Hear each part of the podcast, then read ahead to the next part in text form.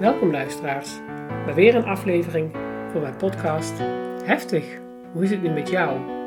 In elke aflevering ga ik in gesprek met iemand die of een impactvolle gebeurtenis mee heeft gemaakt of impactvol werk heeft, om hem of haar de ruimte te geven om de kant van het verhaal te vertellen dat niet zo snel belicht wordt. En door te luisteren naar dit soort verhalen hoop ik dat een ander in de toekomst ook durft te vragen: Heftig, maar hoe is het nu met jou? Welkom luisteraars weer een aflevering van mijn podcast Heftig, hoe is het nu met jou? En vandaag ga ik in gesprek met Geri. Geri was in 2000 eh, bij de nieuwjaarsbrand in Café Het Hemeltje. Iedereen die uh, dik boven de 30 is, weet denk ik gelijk waar ik het over heb. Maar voor de jongere luisteraars neem ik je even mee naar wat er is gebeurd op die avond. Een populair café in Volendam, waar jongeren heel graag uitgingen, was druk en heel gezellig. tot net na middernacht woedde er in hele korte tijd een hele hevige brand. En uiteindelijk zijn daar 14 hele jonge mensen om het leven gekomen. En zo'n 200 uh, jongeren zijn ernstig gewond geraakt. En Geri was er daar één van. Um, Geri heeft zo'n drie weken in, uh, in coma gelegen. Was over haar, zo'n beetje haar hele lichaam verbrand. Ik kijk haar even aan of het klopt wat ik zeg. En um, ja, inmiddels zijn we heel veel jaren later. En ik vraag me af, Geri, um, hoe sta je nu in het leven? Zoveel jaar later. Ja, uh, zoveel jaar later goed. Uh, ja, ik weet eigenlijk niet meer beter dan dat ik uh, brandwonden heb. En uh, ik heb daarover ook een boek geschreven. Dat is ook de reden waarom ik hier zit. En in dat boek ben ik natuurlijk de boze tiener die geen slachtoffer wilde zijn. ja, want dat was natuurlijk wel een dingetje. Als je ja, gewoon gelukkig in het leven staat, verliefd bent, op school zit. En ineens ben je een brandwondenpatiënt met heel veel brandwonden over het hele lichaam. En uh, ja, moet je een trauma verwerken wat je helemaal niet wil. Nee. En daarover gaan wij denk ik in gesprek. Ja, daar gaan we in gesprek. ja, maar dat inderdaad, dat benadruk ja. jij. Ik was ja. een boze, boze tiener en ik ja. wilde geen slachtoffer zijn. En, uh, ja, en ik was het ineens wel, maar het paste helemaal niet in mijn wereldbeeld. Ik had een leuk leven, ik zat lekker op school met leuke dingen bezig waar je als 15-jarige mee bezig bent. Um, hoe kijk je daar uh, nu op terug, op die periode, um, die, die, die, periode na de brand. Wat weet je van het ziekenhuis? Je bent uiteindelijk een boek gaan schrijven, dus ik heb dat boek natuurlijk gelezen. Maar wat ja. weet jij dan nog van? Wat staat je ervan bij? Um, ja, weet je, het is nu heel gek om natuurlijk uh, om daarop terug te kijken. Ik was natuurlijk, uh, nu kan ik er ook wel om lachen, maar ik ben, ben ook wel blij dat ik het opgeschreven heb, want het was uh, ook om andere mensen te helpen. want even weer terug toen in de periode in het ziekenhuis. Wij waren natuurlijk niet alleen. Ik lag daar met nog tientallen meisjes en jongetjes uit Volendam. Um, ik, was zwaar, ik ben zwaar gewond geraakt, dus ik lag drie weken in coma. Toen ik uit coma kwam, had ik wel in de gaten, want ik zat natuurlijk vast met spalken voor mijn handen. Ik had, mijn haar was eraf. ja, ik had elke ochtend wondenverzorging, werd nog meerdere malen geopereerd. En ik lag op de IC, dus dat is niet normaal. Alleen werd mij natuurlijk niks verteld. Of natuurlijk, er werd mij niks verteld. Ik mocht geen tv kijken. Mobieltjes waren er in die tijd nog niet. Dus um, ik had geen informatie. Ik wist op dat moment ook nog niet dat er 13, want toen waren er 13 mensen overleden. Wist ik ook niet. Dus ik had geen idee hoe groot die brand was. En wat wist je dan wel? Want, ik wist wat? dat ik gewond was geraakt. Ja. En dat er nog meerdere meisjes en jongetjes gewond waren geraakt. Zoals de jongen waar ik verliefd op was. Lag ook in datzelfde ziekenhuis. Mm. Maar dat was het. Ja. Ja. En het was, ja, ik leefde van dag naar dag van de ene operatie naar de andere. En dan had ik weer een bacteriële infectie. En dan had ik weer koorts. En, maar uiteindelijk had ik wel zoiets, ja, maar wat is er aan de hand? En ik zag wel steeds mijn ouders huilen. Ja, en ik had wel door van, oké, er is iets wel iets ernstigs gebeurd. En dat heb ik natuurlijk ook wel gezien. Maar hoe groot is het? Hmm. Want eigenlijk dacht ik, het is helemaal niet zo groot. Want ja, dat maak je toch niet mee? Weet je, wie verzint dat nou? Ja. Dus ik had er meer zoiets van, oké, okay, ik ben de enige stumper die dus hier op de IC ligt. En de rest gaat maar door met zijn leven. En... Uh, En ja, ik ben degene die het ergste gewond is geraakt. Hmm. Ja, en dat dan niet, dan weten dat er iets heftigs gebeurd is, maar niet precies weten wat. Ja, ik noem het altijd een soort van niemandsland. Ja, Hoe, hoe- herken je dat? ja dat was het ook. Ook omdat je natuurlijk eh, je slaap veel. Ik kreeg eh, vrij heftige pijnstillers. Maar dat weet je, ja, geen idee. Dat merk je pas als je ervan moet afkicken. Dus ik, ja, je, je leeft ook echt in een soort in. Want je, je, je slaapt en je, en je bent ja, een soort zweverig. En het komt niet allemaal echt binnen. Omdat je natuurlijk zo onderdrukt wordt door de medicijnen. Eh, ja, dus ik had op het begin, in het begin nog zelfs, werd ik ook, zat ik aan een beademingsapparaat. Dus kon ik wel horen. Dus toen, maar ik, ja, ze dachten misschien is ze heel erg vergeetachtig. Dus toen viel het ook steeds in herhaling van je ligt in het fysiekhuis. Je bent gewond geraakt. Er was een brand. En dat was het. Dus ik wist dat wel. Maar ik wist niet van... Ja, er zijn mensen overleden. Het staat in elke krant. Het is elke dag op televisie. Dat Groot wist ik niet. Het is echt groot nieuws. Ik dacht, nou, nee, dat is het niet. De informatie die je net noemde, dat Ja. is wat de verpleegkundige dan tegen je zei. Of je ouders. Mijn ouders. Ja. Want, ja, Ja. herhaal veel. Want misschien... Want ik, ik, ja, ik vroeg om informatie. Ik ben nu ook journalist. Mhm. En ik wilde echt toen ook al informatie. Dus ik keek natuurlijk met grote ogen iedereen aan. Ge- wat, wat doe ik hier? En Ja. ook vooral, wat heb ik? Want ik lag met mijn handen vast aan het bed. Ik, lag, ik zag dat mijn benen waren ingepakt. Voelde iets in mijn nek. Ik eh, voelde ook wel, omdat ze af en toe een aai over mijn bol gaf, dat daar geen haar meer zat. Dus dat werd, werd me ook niet verteld. Zo'n beetje bij beetje. Ja, ga je zelf ga je de puzzelstukjes zeg maar eh, neerleggen. Ja. Maar ja, dat klopte niet helemaal. Dus, Nee, ja. dan leg je ze neer, maar liggen ze nog niet op de juiste nee, plek. Nee, Nee. nee. En wanneer kreeg je in de gaten dat ehm leeftijdsgenootjes van jou ook in het ziekenhuis lagen? Nou, op een gegeven moment kwam er natuurlijk wel eh, ander bezoek. eh, en mijn ouders vertelden wel van, nou, die ligt er ook, die ligt er ook. Maar er werd nooit verteld van hoe ernstig gewond hij was geraakt. Ik had altijd wel de indruk van, ik ben ja, het ernstige, ja, het als ergste eraan toe. Ja, logische gedachte. Ja, omdat het ook elke dag een strijd was om te overleven. overleven. Met dan, ja, kreeg ik weer, eh, ja, werd ik weer benauwd. Ik heb nog een terugval gehad. En ja, Terugval in je ja, toestand. ik kreeg een eh, longontsteking. Dus toen eh, ja, ik knapte eindelijk weer een beetje op. Ik kreeg weer praatjes. ja. En toen moest ik weer terug naar de IC. En daar zag ik ook wel andere patiënten. En wij vroegen ook aan elkaar. Het was wel erg, hè? En ja, maar, maar wat dan? ja, We wisten eigenlijk nog helemaal niks. je was moment. allemaal zo in de weer met puzzelstukjes en Ja. niet weten waar je die neer moet leggen. Ja, Dan even terug hè, naar de, het moment van voor de brand. Die dag, je leeft toe, oudjaarsavond, laatste dag van het jaar. Hoe, hoe heb je die dag beleefd voordat het allemaal gebeurde? De 31ste. nee, dat was een geweldige dag. Eh, want ik was verliefd. En ik dacht, vanavond gaan we, ga ik met hem zoenen. Oh, echt waar? Ja, is ook gelukt. Oh, Dus nee, ik, had, eh, ik was met kerst ziek geweest, dus ik was toen niet uit geweest. En eh, ja, dus ik had een vriendinnetje had me opgemaakt. Ik had nog hard gelopen, want ik was ook heel erg sportief. Dus ik had nog, eh, dus dat, die kilometer zat er ook in mijn benen. Was ik blij mee. Ik had nog nieuwe kleren gekocht op de winkel, in de winkel waar ik graag eh, kwam. Want ik had een bijbaantje, dus alles. En ik had voor mezelf bedacht, oké, deze week ga ik genieten. Volgende week ga ik aan mijn boekverslagen en huiswerk. ja, ja. Want ik had nog één week vakantie. Dus, ik, eh, ja, ik, dus we hebben een heerlijke avond gehad. We hebben gezellig gezeten. En ja, we zaten in een ander café. En tuurlijk, we waren 15. Een paar van de meiden in mijn groep waren al wel 16. Toen mocht je, nou, als je 16 was, mocht je naar de kroeg toen. Eh 15 was het een beetje, ja, schemergebied. Mhm. Maar dat is in veel dorpen zo natuurlijk. Eh, en we zaten in een ander café en het was gewoon super gezellig. En we zouden dus dan eh, om 12 uur zouden we nou even naar onze vrienden opzoeken. In Café Het Hemeltje. Ja, want dat was de place to be, hè? En dat was de place to be. Ja. Daar was iedereen. Dus Ja. we gingen iedereen die op allerlei plekken zaten, thuis of in andere cafés, ging naar het Café Het Hemeltje. Om daar even een rondje te lopen. Ja, Gewoon één rondje, even mensen gelukkig nieuwjaar wensen en dan naar huis. ja.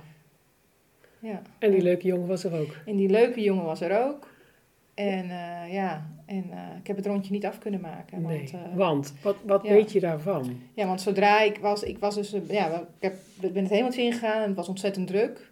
Dus dat weet ik nog wel. En een vriendin van mij is omgedraaid, want die vond het te druk. Die zei, ik zie jullie wel straks wel weer in eh, een ander café. Dus eh, ik zei, nou, maar ik had natuurlijk een doel. Ik wilde wel het rondje afmaken. Want ik wist op het einde, of ergens achterin, zit die jongen wie ik zo verliefd ben. Dus ik ben daar naartoe gegaan en we hebben wat gekletst en uiteraard gekust. En daarna zeg ik van, nou, ik loop weer terug eh, naar mijn vriendinnen. En toen werden de sterretjes uitgedeeld. En Dat is, heb je eh, meegekregen, Ja, dat heb ik meegekregen. En daar hebben we het ook nog over gehad. Van, hè, waarom doen ze dat nou? Is helemaal niet handig. Maar we waren al bezig met, wij gaan. Dus we gaan weg. En eh, ja, weet je, ergens achter me hoor ik een hoop gegil en geschreeuw. En ik voel een warme bal met vuur over me heen eh, komen. Dus ik heb niet gezien het moment, weet je, dat is me wel later verteld door andere mensen. Dat iemand dus met zijn arm de lucht is ingegaan. Maar ik voelde gewoon wel de hitte over mijn rug. En ik dacht, ik moet hier weg. Maar ja, ik liep tegen de muur van mensen, ben op de grond gevallen. En ik dacht, ja, ik ben 15, ik ga hier dood. Ja, Want er was zoveel vuur. dat was echt je Het gedachte. was echt van, ik, dit, dit, dit is het. Want dit, Ja. dit, ik, voelde, ik voelde de hitte. En eh, ja, omdat er eh, zo eh, veel vuur was, was er ook geen zuurstof. Dus iedereen daar is weggevallen. Dus op een gegeven moment word ik weer wakker. En toen dacht ik, oké, iedereen is dood. Want ik zag niemand, ik voelde niemand. Ik hoorde ook niemand. En dat is, ja, weet je, dat is ook best wel een stukje van de puzzel die ik kwijt ben. Want in mijn gevoel was het café leeg, maar dat was het helemaal niet. Waarschijnlijk was ik vroeg wakker, weet je, dan ga je het toch weer invullen. Hmm. Maar ik ben over de bar heen geklommen. Waarom, weet ik niet. Ik kom daar terecht en toen zag ik wel nog iemand met ijsblokjes gooien. Blijf liggen, blijf liggen, het vuur is nog niet uit. Hoor ik wel wat mensen kuchen. En in mijn volgende herinnering sta ik buiten. Buiten op de dijk. Ja, met echt gewoon mijn handen in de lucht. En mensen zeggen, wat heb jij gedaan? Je ziet er niet uit. En die hebben me begeleid naar een ander café, waar ik als een van de eerste naar binnen kwam. En daar wisten ze al wel dat er wat gebeurd was. En daar ben ik op een kruk, kruk gezet in de hoek. En daar heeft iemand eh, eh, een eh, handdoek over mijn handen heen gelegd. En dat wilde ik niet, want het was koud. En ik voelde ook helemaal niks. Ik was meer van, ja, wat is er gebeurd? En ze keken steeds van, oh, je gezicht, je gezicht. Maar ik was, mijn gezicht was dus pikzwart. En ik voelde wel een beetje mijn voorhoofd eh, prikken. Want dat schijnt, was dus tweede graads verbrand. En dat voel je. Maar mijn rug en mijn handen en een stukje van mijn benen waren derde graads verbrand. Dus dat Voel je niet meer. Nee. Dus ik had dat ook helemaal niet in de gaten. Ik dacht, ja, ik moet even, even, even onder de douche. Ik moet even naar het ziekenhuis. Want ik zag wel vellen op, op mijn handen. Mhm. Dus ik dacht maar, oh jee, weet je. En ik had wel eens eerder, eh, ik werkte in een eh, viswinkel. En ik, ik had wel eens broodjes gebakken. Dus ik had wel eens een brandblaar gezien. Ja, En we hadden het ook wel eens behandeld op school. Dus dan mag oh shit, weet je. Mijn handen zijn verbrand. Maar niet, niet, nooit verwacht dat het zo erg was. Ik had toen ook zoiets van, oh ja, ik moet even naar het ziekenhuis. En dan eh, morgen, morgen weer naar huis. Echt, doe, weet je. Ja. Dat, dat dacht ik toen. past Van, ook even niet in jouw plaatje. Nee, Gewoon een avond. Maar ja, toen wel paniek in dat café. Heel veel paniek. En er kwamen meer mensen binnen. En iedereen was aan het schreeuwen. Dus toen had ik al zoiets van... Hè? En ik dacht, ach jee, Voondammers, die stellen zich aan. Dus ja, dus ik had, ik had nog steeds zoiets van, ja, dat, ja. Dus wel het ene moment van, dat is ook wel gek, weet je, als ik er nu over nadenk, van, dat ik daar dacht van, oké, iedereen is dood, waar is iedereen? Maar daarna weer dacht ik, oké, iedereen leeft nog. En Er is Ja, weinig gaat- aan de hand. er is weinig aan de hand en eh, ja. En eh, nou ja, toen moest ik dus wachten, wachten. En dat duurde nogal lang. Dus die nacht, die, die, die was wat, wat vervelend. Dan kreeg het koud. En ja, daar was wel een beetje, ja, van... eh, op een gegeven moment moest ik mee naar een tent. En dan was het nog kouder in die tent. Er waren traumatenten op de dijk gezet. En toen had ik wel zoiets van, oké, nu wil ik gewoon, nu wil ik naar het ziekenhuis. Ik wil gewoon in een warm bed. Ik moet even opgeknapt worden. En naar huis. En naar huis. Ja, ja. Dat had ik nog steeds. Ik ga morgen ben ik weer thuis of Ja. ik ben vannacht weer thuis. Nou, uiteindelijk een ambulance. En toen heb ik, had wel iemand nog, de, een, eh, een eh, mobieltje. Die waren toen echt net, net op de markt. Die had Ja. eh, een vrouw. En die eh, zei, nou ja, bel even met je ouders. eh, wat is je nummer? En eh, zeg even waar je naartoe gaat. En toen kreeg mijn zwager aan de lijn. Want mijn ouders waren mij aan het zo- zoeken. En mijn zus en mijn zwager waren thuis gebleven. En ik zeg, ja, niks aan de hand. Ik moet even naar het ziekenhuis. En gaat wel. En er was brand. En ja, iedereen in paniek. Oké, dus jij gaat, ja, ik ga nu naar het ziekenhuis. Waar, waar naartoe wisten we nog niet, want het ziekenhuis, die ambulance stond in een file. Ja, Ik heb later ook nog teruggebeld. Dus dat was wel, ja, mijn ouders hebben me pas de volgende dag gevonden, de volgende ochtend. Eh, en in het ziekenhuis had ik, ik ben zelf de ambulance uitgelopen, in het vuurziekenhuis. Ik zei, oh, mijn oma heeft hier gelegen. En ik word daar op een bed neergezet. En nou, drie weken later word ik wakker. ja, en daar ging eigenlijk het even... En daar ging het, eh, ja. En, en Leg je uit? en wat ook nog eh, het geval is geweest, ik werd wakker en ik zag mijn zus aan mijn bed. En toen zei mijn moeder, mijn zus is 12 januari jarig. Je zus is al jarig geweest. Dus ik dacht echt, oké, ik heb heel lang geslapen. En het is misschien nu 2 januari, Ja, dat dacht ik. ja. Ja. Maar het was 23 januari. Moet dat gek zijn, dat je dan Ja. zoveel dagen kwijt bent? Ja, dat was, daar was ik boos over. Van Hmm. hoe kun je me zo lang wegmaken? Hmm, Ik ben gewoon een deel van mijn leven kwijt. Zo voelde dat. Ja. Ja. Jeetje. En ehm, ik heb natuurlijk je boek gelezen, hè? Ehm, Nieuwe Handen. Aanraden voor elke luisteraar, vind ik. Ehm, daar vertel je ook eh, dat er op een gegeven moment een psycholoog aan je bed komt. eh, die, je die ziet worstelen met hoe ze jou de informatie moet geven. Ja, eh, er werd ons niks verteld. Ehm, het is best wel gek, want ik, in mijn boek schrijf ik het echt vanuit de 15-jarige ik. Want ik wilde je echt als lezer ook meenemen van hoe ik het heb beleefd. Maar nu heb ik natuurlijk ook al meer informatie van waarom ze bepaalde keuzes hebben gemaakt. Maar eh, er werd ons niks verteld, eh, want eh, ze dachten van dat kan ze misschien niet aan. Ehm, en Ja. Ja, Ja. want lichamelijk was je nog helemaal niet goed, hè? Nee, nee, want ik lag op het IC. dus het was elke dag een strijd om beter te worden. Want ja, als je brandwonden hebt, is je lichaam zeg maar lek. Dus de kans op bacteriële infecties is super groot. En ik heb ze allemaal gehad. Oh ja, Ja, ja, Oh. het, echt, eh, ja ik had eh, gekke beestjes, zei mijn arts. sekse, la sekse Ja, zag ik lachen. Ik ben, ik ben er nog, maar eh, ja, nee, dat, dat is het gewoon het ellende met brandwonden. Die brandwonden kunnen ze wel prima behandelen. Maar wat er bij komt kijken, die infecties, dat is het gevaarlijke. En als dat naar binnen slaat in je lichaam, op je organen, ja, dan ben je er gewoon geweest. Ja. Dus dat was best wel een strijd elke keer. Maar, dus ik was hard aan, hard aan het vechten. Maar je bent natuurlijk, je geest is gewoon wakker. Mhm. En dat is best wel gek. Dus ik was op zoek naar informatie, maar mij werd niks verteld. En op een gegeven moment dacht ik, ik ben niet psychologe en de verpleegkundige te slim af. Ik vraag om televisie, want ik verveel me in bed. Mhm. Die kreeg ik ook niet te zien, want dat was natuurlijk dagelijks op het nieuws. Mhm. Dus ik ging echt met doorvragen en doorvragen. En ik merkte ook aan mijn ouders en mijn zus, van dat, ik, weet je, dat die gewoon heel veel verdriet hadden en heel Mhm. veel pijn hadden. En, dat ik erna, en, dan- en ik dacht ook op een gegeven moment van ja, maar is dan iedereen er goed uitgekomen en ben ik dan de enige stumper die hier ligt? En dan zag ik wel van nou, meisje, je hebt geen idee. Nee, nee. Wat moet dat moeilijk voor je zijn ja, dat was geweest? echt moeilijk. Ik was ook echt zo boos, want ik dacht eigen van, wat is er dan zo erg? Is Hmm. iedereen dood? Dus het ging, aan alle kanten ging het in mijn hoofd om. Of is iedereen dood? Ben ik de enige overlevende hier Mhm. in het ziekenhuis? Want ik wist wel dat er nog een paar andere meisjes en jongens lagen.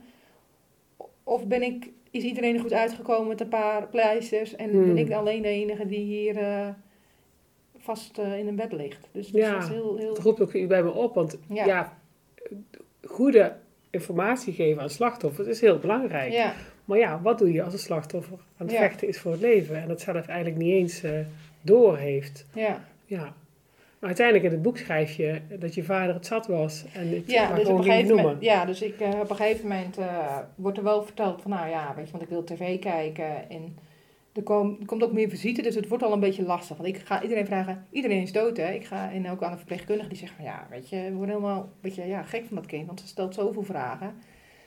Ehm, dus dus die, ze weten niet meer wat, hoe, ze met me om moeten gaan. En dan besluiten de psychologen van, oké, dan gaan we even kijken hoe ze reageert. Dus we vertellen dat er twee mensen zijn overleden. Twee jonge meisjes, die, eh, ja, natuurlijk ken ik ze, want je woont in hetzelfde dorp en je Ja. bent hetzelfde leeftijd Iedereen ongeveer. kent elkaar. Maar dat geloof ik dus niet. Want ik denk maar, oké, er zijn twee meisjes overleden die eh, een klas lager zitten, die, die ik helemaal niet goed ken. En dat houden jullie de hele tijd voor me achter. Dus ik, en ik zie ook aan de reacties dat, dat die informatie niet klopt. Want ik Hmm. mag nog steeds geen tv kijken en ik mag nog steeds geen krant lezen. Ja, dus in je hoofd wist je het verhaal is Ja. veel groter dan dit. Ja, Ja. Dus, eh, en toen heeft mijn vader gezegd van nu is het klaar en nu gaan we alles vertellen. Hmm. Want dat er op dat moment zijn er 13 eh, mensen overleden. En ja, dat kwam toen ook al helemaal niet binnen. Maar toen had ik wel het besef van, dit is echt, ja... Die, en ook eh, wat ik zelf had. En hier ga je waarschijnlijk nog een jaar of jaren heb je nodig om hier overheen te komen. Ja. Want dat was me ook niet duidelijk. En hoe was het dan voor jou om dan te horen dat die 13 eh, waren overleden? Want in, de 14 is in juni pas overleden, ja, de 14e eh, is in juni overleden. Het is heel gek, op dat moment dat kwam absoluut niet binnen. Nee. Nee, dat kwam echt. nee. Nee, Ja. dat had een klasgenootje bij en er zat een buurjongen bij. En dat besef, dat kwam pas binnen toen ik op school was en ze daar niet meer zag. Hmm. Toen kwam die klap pas. Maar daar, weet je, ik lag daar in een ziekenhuisbed. Dat, dat, dat, dat kan iemand je wel vertellen, Mhm. maar in je hoofd is dat gewoon niet waar. Nee. Nee. Dat, dat, dat is het een beetje, ja. nee, je bent ook een beetje murf van Ja. alles. En je bent ook zo met jezelf Ja. aan het vechten. Ja, ja. ja, ik vind het helemaal niet raar klinken als je zegt dat het toen pas doordrong. Ja, En daar wordt het pas echt zichtbaar als iemand dan niet meer in die klas ja zit. echt pas een jaar later. En ik was altijd met dan eh, Peter, is een klasgenootje is overleden. was ik een beetje, altijd al een beetje aan het mee stoeien en eh, grapjes maken. Zat ook achter me in de klas. En dan had ik iets en dan dacht ik, ja, oh, Peter. En dan is het, oh ja, Oh ja, oh ja, weet je. Toen pas kwam het binnen van... ja, En weet je, dat je dan, dan krijgt een klap van... Oh ja, weet je, dan, Oh ja. dan ook weer even het besef van... Oh ja, we hebben wel erg, eh, ja, wat, Mhm. er is wat gebeurd. En ja, Kunnen we daar als hulpverleners wat uit leren? Uit hoe daar toen met je om is gegaan? ja weet je, ik- natuurlijk in mijn boek eh, schrijf ik het vanuit de 15-jarige ik. En dat is, eh, daar is ook vooral veel woede. Want ik wilde geen slachtoffer zijn. Ik wilde zo snel mogelijk door. Ik was boos op elke hulpverlener dat ze mij hadden voorgelogen. Zo voelden me. Die twee psychologen die aan mijn bed kwamen hadden toen gezegd... er zijn twee mensen dood, dit is het. Die wilde ik ook gewoon niet meer zien. Mhm. Eh, en nu achteraf denk ik bij mezelf, en ik heb ook later weer andere psychologen erover gesproken, van ja, weet je, je, je beseft niet hoe ernstig ziek je was. En, Mm.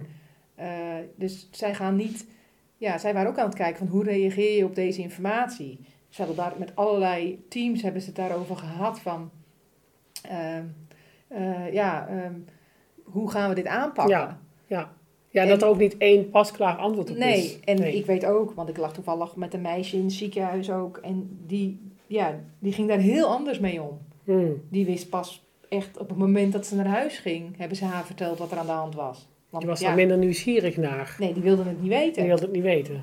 Die wilde het absoluut niet weten. Die had wel in de gaten dat het heel groot was. Ja, Dat het veel groter was dan dat ze dacht. ja, maar die wilde het niet weten, maar op een gegeven moment moest ze het wel vertellen, want ze ging naar huis. ja, ja, daarom ook niet dat pasklare antwoord. Ja. Want iedereen reageert zo anders. Iedereen, en ik had die informatie nodig, zei ik, weet je, want ik, het gaf mij handvaten om verder te gaan. Ja, Want waarom, ja, ik had zoiets van, ja, maar waarvoor doe ik het dan? En ook, ja, ja, van heeft het dan wel zin dan? Weet je, Mhm. ik had gewoon ook, maar ook gewoon informatie van, ehm, hoe lang moet ik revalideren en wat heb ik dan precies? En blijft het voor altijd zichtbaar en hoe, hoe gaat dat? Maar ja, die antwoorden hadden ze natuurlijk ook niet. Nee. Want nee, ja, het gebeurde ook... eh, dat weet je gewoon ja, niet. dat weet je gewoon Nee. niet. Dit gebeurt ook natuurlijk. eh, Zo'n grote ramp gebeurt eens in de zoveel jaar. Hmm.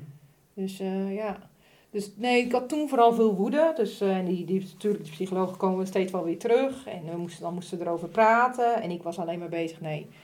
Ik wilde beter worden en zo snel mogelijk naar huis. En er waren ook wel leuke perioden in het ziekenhuis. Want het was niet, eh, we hadden natuurlijk ook wel echt strijd en veel gelachen. Want dan was het zo eh, met de fysiotherapeut van, oh, maar die loopt al. En eh, die eet al met mes en vork. Mhm. we moesten alles opnieuw leren. Ja, Bijna iedereen in Volendam heeft verbrande handen. Want die waren natuurlijk vrij. ja, Dus echt iedereen die in het hemeltje heeft gezeten, heeft verbrande handen. Eh, dus het moesten weer leren schrijven en eh, je handen leren gebruiken. En dat was natuurlijk eng, want dat ziet er allemaal anders uit. Kapotte vingers, het doet zeer, het jeukt daarna. Dus hoe, eh, hoe ver ben je gekomen in je herstel? Uiteindelijk?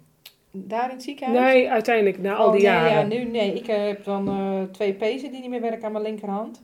Dus, en ik mis wat nagels. Dus op Mhm. zich, maar ik heb nog wel een volledige hand. Ja. Dus dat, ja. En dat, dat was natuurlijk ook, eh, ja. Welke last ondervind je nu nog van de brandwonden? Ja, dat weet ik niet, want ik weet niet hoe het is zonder die brandwonden. Nee, Nee. dus het is, eh, ik heb ermee leren leven en mee leren werken. En dat, het is wel grappig, want je komt toch altijd wel mensen tegen die dan bijvoorbeeld door een ongeluk een pink missen of een duin en die zeggen precies hetzelfde. Ja, Weet je? ik weet En- niet beter. Ja, of dat iemand zegt van, oh kijk, weet je, eh, ik ben geboren met dit, maar niemand ziet het. Hmm. Dat is ook wel grappig. Ja, Dus wat ik nu wel lastig vind, nu twintig jaar later, want ik, eh, ja, is dat je, dus op het begin was het heel erg van, ehm, dat mensen dan zagen van, oh je komt uit Volendam. En dan had je daar niet altijd zin in. Dus dan dat zei ik ook wel eens als grapje van, nee hoor, weet je, weet je om een beetje dwars te zijn. Mhm. En eh, dus dan moet je, weet je, dan hoef je het niet uit te leggen, want mensen zagen het, want het was nog heel vers op het geheugen. Maar nu worden- kijken mensen hier wel eens aan, en vooral jongere mensen, Ja. en die vragen dan andere mensen achter je rug om? Wat heeft zij eigenlijk? En die zeggen, geen idee, ze is zagrijnig. Hmm. Nee, op haar handen. Oh! Weet je? En dan, Heb je dan liever de mensen het rechtstreeks vragen? Ja, maar dat, weet je, je ziet ook mensen ook wel eens kijken van, oh, en dan zeg ik, oh ja, ja ik, eh, ik heb eh, in een brand gezeten. En dan natuurlijk voor iemand die begin twintig is, die denkt, een brand? Ja. Wat heftig. Ja, het hemeltje. En dan kijken ze je nog steeds vragend aan. Ja, er was ruim twintig jaar geleden, toen jij nog niet geboren was, was er een grote brand in Volendam. Ja, google het maar. Mm. En dan, nou ja, dan gaan ze googlen. En dan zijn ze alleen nog meer, weet je, nog meer geschrokken. Want Mhm. mensen overleden. En dan komt af en toe wel weer, denk je, ja, ik ga me alles vragen. En dan, ja, dus ik vind dat nog wel heel lastig hoe, hoe ik dat nu, eh, om daarmee om te gaan. Want ik werk met heel veel me- jonge mensen. En ja, ik vind dat, merk ik nu, ik moet het nu weer steeds weer uitleggen. Zonder dat ik iemand wil laten schrikken. Ja, Want het is nogal wat. Ja. Dat besef ik ook wel. ja, Alleen, ik ben natuurlijk zoveel jaar verder. En ik Mhm. maak er dan een grapje over. Want met humor kan je natuurlijk heel veel verstoppen. Maar het is helemaal niet grappig. nee. Ja, ik herken het wel. Ik vertelde natuurlijk mijn kinderen van 14, 17 en 20 dat ik eh, met je de- deze podcast op ging nemen. En inderdaad hadden we het daarover. En ja, die schrikken dan inderdaad. Oh, dat is heftig. Ja, Eh, ja, ja en, en iedereen, wat ik in het begin van de podcast ook zei, van dik boven de 30. De, Ja. de meeste mensen, die weten het nog wel. ja. Ja, en ik weet ook nog heel goed de impact. Hè, dat, dat, Ja, dat dat ik is wakker net- werd op nieuwjaarsdag. Superleuke avond. Iedereen boven, dit? iedereen boven de 30 weet nog precies waar ze op dat moment waren. Oh, Ja. toen was ik bij, eh, dat krijg ik ook vaak ook. Oh, ik weet het nog, want ik zat in de taxi terug van een feestje. Of ik was die avond ziek, ik zat bij mijn ouders thuis op de bank. Of ik, net als met 9-11. Ja. Ja. het is heel gek. Maar dan weet je ook van, oh ja, toen je hoorde dat er een, eh, ja, twee vliegtuigen een eh, flatgebouw invlogen. Weet iedereen nog van, waar was je op dat moment? Ja, dat is met impact. Ja, Zo'n ja. moment blijft je heel lang bij. Een gewone dag, die vergeet je. Ja. Dus dat is wel gewoon, en dat is het vervelende met brandwonden. Het blijft altijd zichtbaar. Hmm. Maar aan de ene kant ook weer niet, want je hebt ook heel veel mensen, en daar geef ik ook zelf lezing over, die hebben littekens en die zijn niet zichtbaar. Hmm. Dus het is altijd heel erg dubbel. Ja, Maar ik heb Ja. niet altijd zin om over eh, de Volendambrand te praten. nee, dat want snap ik ik, ben ook.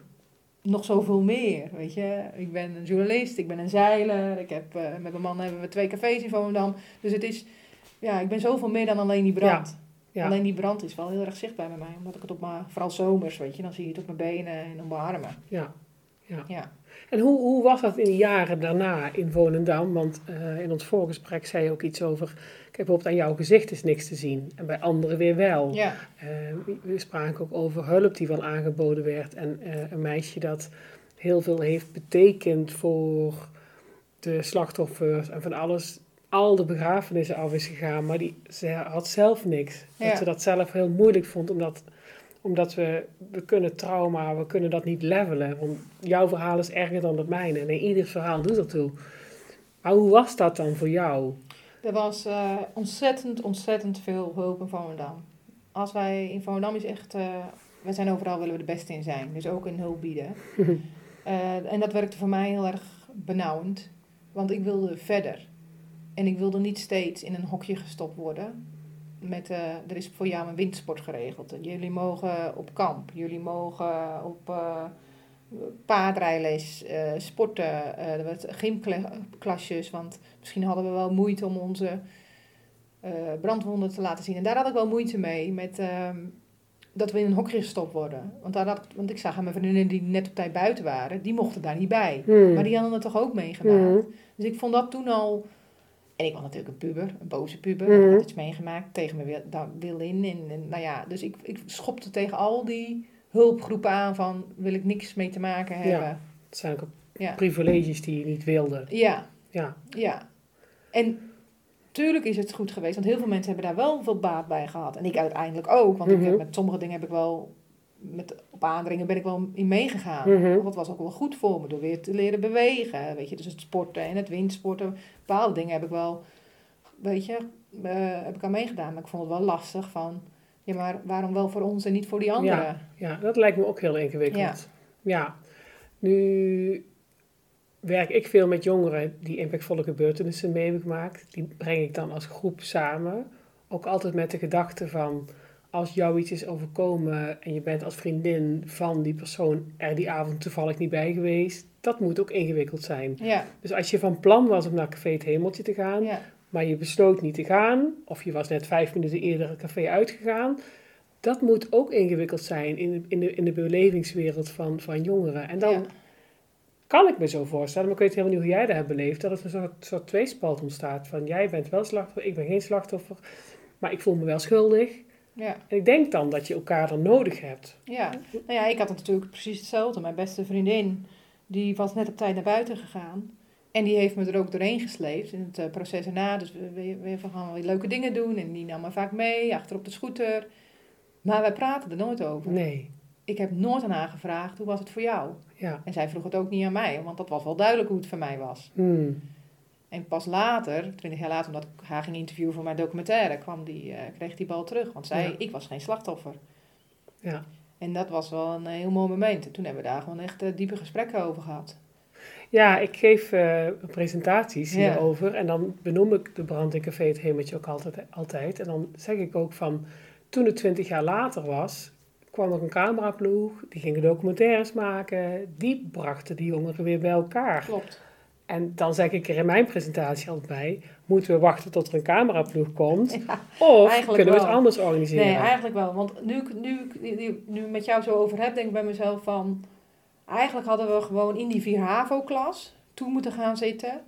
En gewoon iedereen aan het woord laten van... Hoe was het voor jou? Want daar heb je een mix met mensen, die waren er niet, die waren er wel, die waren van plan te gaan. Of die waren op tijd weggegaan. En hebben een beste vriend verloren. Hmm. Wat wel heel mooi was ook, want dan komt weer die cameraploeg. Dat is ook wel gebeurd bij ons. Want wij hebben meegewerkt aan dat eh, programma De Reunie met de. Rob Campus. Hmm. Dus tien jaar na de brand, en door mijn boek ook, toen werd ik benaderd door een redacteur. En die wilde ook weer een slachtofferklas maken. En toen zei ik, nee, je moet mijn 4 HAVO-klas. En laat nou, mijn verhaal kennen ze. Dat is het boek. Hmm. Dus weet je, je hoeft niet, want dan gaan ze, korte, ze gaan de korte filmpjes maken van iemand dan. Ik zeg, doe het nou van iemand die niet in dat hemeltje zat. Hmm. En vraag die nou eens van, waar was jij, wat heb jij toen beleefd? Ja, mooi wat je zegt, want dat is precies waarom ik Ja. dus met de methode Delen is Hele werk. Ja, Omdat het inderdaad, je beleeft het met z'n al, met z'n allen. Ja. De ene was er dan wel bij, de ander was er niet bij. Maar ja, mooi wat je daarmee gedaan hebt. En het is toch de cameraploeg geweest. het is toch weer die camera. En dat, daar kwamen toen ook al wel soort verhalen uit en besef van... En ook gewoon, er was ook één jongen in mijn klas, was heel zwaar gewond. En daar kwam heel weinig informatie uit. Die kwam ook heel laat uit het ziekenhuis. Die had ook allemaal tegenslagen. En die vertelde toen ook pas van hoe dat voor hem is geweest. Hmm. Voor hem, iedereen durfde niet, ja, niet, niet hem te benaderen. Want we dachten allemaal, dat wil hij niet. En dat Hmm. was helemaal niet zo. Ja, Dus, dus, ja, dus eigenlijk, ja, als ik nu terug zou kijken, zou ik eigenlijk zeggen van toen bij ons op school was er dat hokje met dat slachtofferhulp waar niemand naar binnen durfde. Want dan werd dat gezien dat jij om hulp vroeg, ook al was je niet verbrand. Want als je niet verbrand was, had je niks te klagen. Hmm. Want jij had niks, dus dat was ook een beetje... Dan Ja. level je dus ook het leed. Ja, Ja, hadden ze gewoon per klas moeten gaan zitten. En niet, weet je, we werden heel, we werden heel erg uit elkaar gehaald van Hmm. de, de brandwonden bij elkaar en, en de niet-brandwonden bij elkaar. En ja, als we eigenlijk gewoon per klas of in een eh, sportgroepje of... En Ja. ja, dan had ik Ja, misschien, ja, dat, dat zijn dan lessen wat je dan nu kan leren. Maar ik heb ook met school gesproken erover. En die, die hadden ook zoiets van, ja, weet je, waar begin je aan? Weet je, wat, wat wij wisten, wisten dat ook niet. Mhm. De school was ook de dag erna meteen open. Dat is natuurlijk, eh, laatst hadden we een, eh, ook een verschrikkelijk dodelijk ongeluk in Volendam. Hebben ze dat ook gedaan, want dat is de eerste plek waar je natuurlijk samen kan Ja. komen. En dat, dat werkt, dat heeft, eh, werkt wel heel goed. En ja. ook pas dat, dat ik aan mijn documentaire aan het draaien was, hoorde ik van hem, maar wat hebben jullie toen gedaan op school? Gewoon kaarten. ja. Ja, we waren gewoon aan het kaarten. Bij elkaar zijn Ja. dus. En dan ga je kaarten, maar je bent in elk geval met elkaar. Ja, want ze hadden geen informatie. Want die informatie hoe wij het nu krijgen via een appje, dat was toen nog niet. Nee. Ze moesten echt wachten tot een ouder iemand had gesproken. En dan heb je natuurlijk heel veel ruis ook op de lijn. Mhm. Dus er was ook weinig informatie. En Ja. vooral in die eerste week, toen ging er elke dag iemand dood. Want het was Ja. niet dat die 14 meteen op 1 januari zijn overleden. Dat is in die Gaandeweg. gaandeweg gebeurd. Ja. Dus ja, Ja. dat is, eh, ja. Ja, informatie is heel, is heel belangrijk, maar je moet, wel, ja, je moet wel weten wat is de informatie en kan ik dit geven? Ja. En eh, ja, is er duidelijkheid? Hè? Over jouw situatie was ook gewoon heel lang geen duidelijkheid. Nee, Het zag er heel lang slecht uit. ja.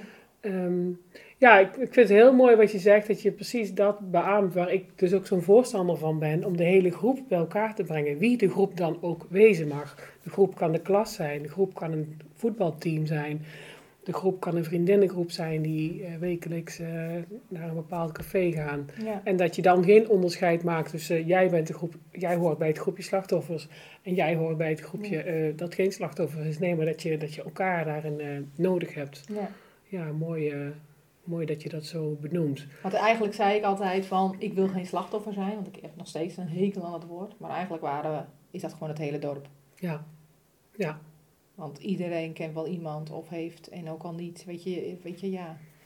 Dus, Ja. eh, Het heeft is- impact op iedereen. het heeft impact op iedereen. Ja. Ja. Ja. Ja. En eh, eh, dat soort hulp, want ik heb nog gelezen, er is ook een eh, pastorale hulp geweest, er, is van alles geweest. Van alles. Ja, maar het meeste daarvan zei, daarvan zei hij, nou doe maar niet. Nee, nee, want ik ontkende dat ik slachtoffer was. Ja, Ja, ja, Ik ja. wilde door. Nou ja, dat zie ik veel bij jongeren. Ja, Ja, ik wilde door. jongeren willen ook niet in, het hoek- in een hoekje Ja. geduwd worden. Jij nee, ik ben gewoon Geri en ik wil door en ik moet zo snel mogelijk mijn studie afmaken of, ga- of gaan studeren, mijn studie afmaken in Antwerpen. Ja. Ja. Het hele verhaal wat je vertelt ben ik nu nog heel benieuwd. Hoe is het met dat vriendje afgelopen? ja, dat vriendje, ja, ja, ja, ja. Nee, die, eh, dat, eh, ja, ja. Hoe is hij er doorheen gekomen? Hij is er ook goed doorheen gekomen. Hij eh, mocht na een week uit het ziekenhuis. En we hebben later nog wel eens contact met elkaar gehad, maar dat is niet uitgemond tot een romantische nee, nee, relatie. Nee, nee, nee. We komen elkaar nog wel eens tegen op de dijk en dan we delen, ja, dan eh, lachen we wat. En eh, ja, en dat was op het begin wel heel moeilijk hoor, want eh, ja, we hebben toch samen daarin gezeten. Ja, Samen met veel andere mensen, maar eh, Ja. ja. we moeten wel blozen. ja, ja, ja. ja. Ja, het verwijst... Ja, ik was wel heel erg verliefd op hem hoor. Ja. Ja, het en ook verwijst- daarna nog. Ja, ook daarna nog. Dus, Ja, toch wel. ja. Ja. ja, dat is ook zo dubbel. hè. Het verwijst naar een hele leuke tijd, waar je heel onbezonnen was. Ja. En dan komt er ineens die knip naar een totaal andere wereld. En, ehm, maar ook voor Volendam. Ja. Er is een periode van voor de brand, denk ik. En een periode van Ja, maar dat is nu wel minder. Dat was in het begin heel erg. Maar omdat we nog zo jong eh, waren, ik heb dat wel een stuk minder van voor en na. Ik eh, hoor het andere mensen wel eens zeggen. Maar ja, er is al zoveel na de brand Hmm. gebeurd. Weet je, ik ben nu 38, ik was toen 15, dus die brand is al ruim 20 jaar geleden. Dus dat ik, ik, ik zeg het nooit voor en Nee, na. Nee, nee. Dat, is de, dat is nu al te lang geleden. Hmm. Ja. Nou ja, gelukkig. Maar dat is dan ook wel wat tijd dan, Ja. dan doet. Ja. Ja. En ook, hè, ik heb ook zo'n vraag in mijn hoofd van in, in welke zin heeft het je gevormd? Maar daarvan heb je lichamelijk eigenlijk al gezegd, ja, ik weet eigenlijk niet beter dan. ja, Ja, dat is ook, eh, ja. Had je dingen anders gedaan? Nee, dat weet ik dat niet. weet je niet, hè? Nee. Nee. Je had een enorme nieuwsgierigheid, hè? Ja. Heeft dat gemaakt dat je uiteindelijk journalist bent geworden? Ja, weet je, ook omdat ik de exacte vakken, dat eh, kan ik allemaal niet. dat is niet jouw ding. Nee, maar eh, nee, ik wil, en ik wilde altijd de wereld eh, over reizen. Nou ja, dat ben ik nog steeds van plan. Ja, dus ja, ja, en ik wil graag verhalen vertellen. Dus- Ja, ja, En niet mijn eigen verhaal hoeft niet per se, maar dat heb ik nu wel gedaan. Maar ik vind het ook mooi om andere verhalen te roeptoeteren. En dat, dat hoort ook gewoon ja. erbij als je journalist bent. Leuk. Ja. Leuk. Anderen weer de ruimte geven voor hun verhaal. Zeker, Ja. ja. Ja. Ja, en als je nu zo helemaal terugkijkt. Wat, wat zou je jongeren gunnen die het morgen gaat overkomen? Dat, dat gun je natuurlijk geen enkele jongere. Maar het is een illusie dat, dat impactvolle gebeurtenissen niet meer gaan gebeuren. ja. Wat, wat zou je jongeren gunnen? Weet je, het is nu zo lastig ook om dat te zeggen, omdat de tijd nu anders is. Want die hebben dus alle informatie. Want er is internet, dat was er Mhm. toen nog niet. Of dat was er toen nog wel, maar dat was prikkie prikkie inbellen. Ja, Maar eh, ja, dus dat is lastig, weet je. Eh, wat ik gun, het komt wel goed. Hmm. Ook al, ja, ik kan wel zeggen van, natuurlijk zijn er wel ook in Volendam, weet ik ook van mensen, hebben die af en toe een terugval. Maar die komen er ook weer uit. Het is ook niet niks, dat heb ik ook geleerd. Want eerst had ik zoiets van, ja, pff, dat was toen. Nee, het is niet niks Mhm. wat er is gebeurd. Eh, maar ik heb ook zoiets van, ja, iedereen maakt wel eens wat mee in zijn leven. Alleen die littekens zijn bij ons gewoon heel erg goed zichtbaar. ja, ja, En op de jonge, en eigenlijk juist doordat het op eh, jonge leeftijd is gebeurd, kan je dat beter re- relativeren. ja, is dat zo? Ja, dat is me verteld. Ja. Dus ga ik daarvan uit. Ja. Nou ja, weet je, dat denk ik wel. Ik denk als me. Ja. Denk, als ik nu eens bedenk van als me dit nu was overkomen. Ja, ja, lastige. Die vraag krijg ik ook wel. Van wat als het overkomt als je 30 bent of 15, weet je? Ja, Ja, je bewandelt in het leven ook maar één pad, hè? ja dus dat dit is... pad, eh, dit ja. is op jouw pad gekomen, op jouw vijftiende. Dus ja, wat wil je jongeren meegeven? Weet je, wat je ook meemaakt, dat komt wel goed. En zoek Ja. daarbij wel hulp van elkaar. En dat hoeft niet die psycholoog te zijn of die arts, maar gewoon een vriend of een vriendin die hulp kan uit een hele rare hoek komen. Ja, maar van elkaar, zei ja, je net even. Ja, van elkaar, ja. ja. dat heeft me wel eh, geholpen, ja. Ja, Nou ja, die neem ik, die neem ik in elk geval zelf mee, omdat Ja. ik, dat, dat, ik, dat, ook- dat ik daar zo'n voorstander van ben. Ja, Om jongeren bij elkaar te brengen Ja. vanuit het idee dat sociale steun een hele belangrijke beschermende factor is. En ik neem ook echt mee wat je zegt, dat die uitzending van de reunie, dat je dan heb jij gepleit om gewoon je klas te nemen met de slachtoffers en de niet-slachtoffers samen. En, en aan beide partijen, zeg maar, als je dan toch over partijen praat, ja, te vragen naar, hoe was het dan voor jou? ja. Ja, was het voor jou dat ja want het is gewoon dan wel te weinig gebeurd om aan degene die niet in het hemeltje staat te vragen van, hey, hoe was het nou voor jou? Ja, Ja, Ja. mooi. En ehm, de situatie, is de, de, de, het hele gebeuren is voor jou, jouw ouders ook enorm impactvol geweest. ja. Hoe, hoe ga je er met je ouders mee om? ik ben er nog. Ja, Ja, ja dat is het enige lichtpuntje. Is ja mijn nog. moeder deed natuurlijk, ik was, weet je, dus ik krijg ook wel eens ouders naar me toe. Vooral toen dat boek net uit was, dan zeggen ze, hoe is het met je moeder? Want dat- die stond het dichtst bij. Ja, En daar was ik natuurlijk ook boos over. want Die kreeg al mijn woede-uitbarstingen en al mijn verdriet. En eh, ja, ja, die hebben natuurlijk ook, eh, weet je, enorm eh, trauma ja, opgelopen. Ook omdat die, de ouders naast haar, ja, hebben een kind verloren. Weet je, in de Hmm. straat, weet je. Dus, of verderop in de straat. Dus die, ja, het was echt, ja, weet je. ja, moeilijk hè? Ja, Als je die dan als ook. echtpaar naast elkaar staat van oké, dat echtpaar heeft een zoon of een dochter verloren. Ja, of die andere. Wij hebben onze dochter nog, maar we zien haar enorm worstelen. Ja, ja.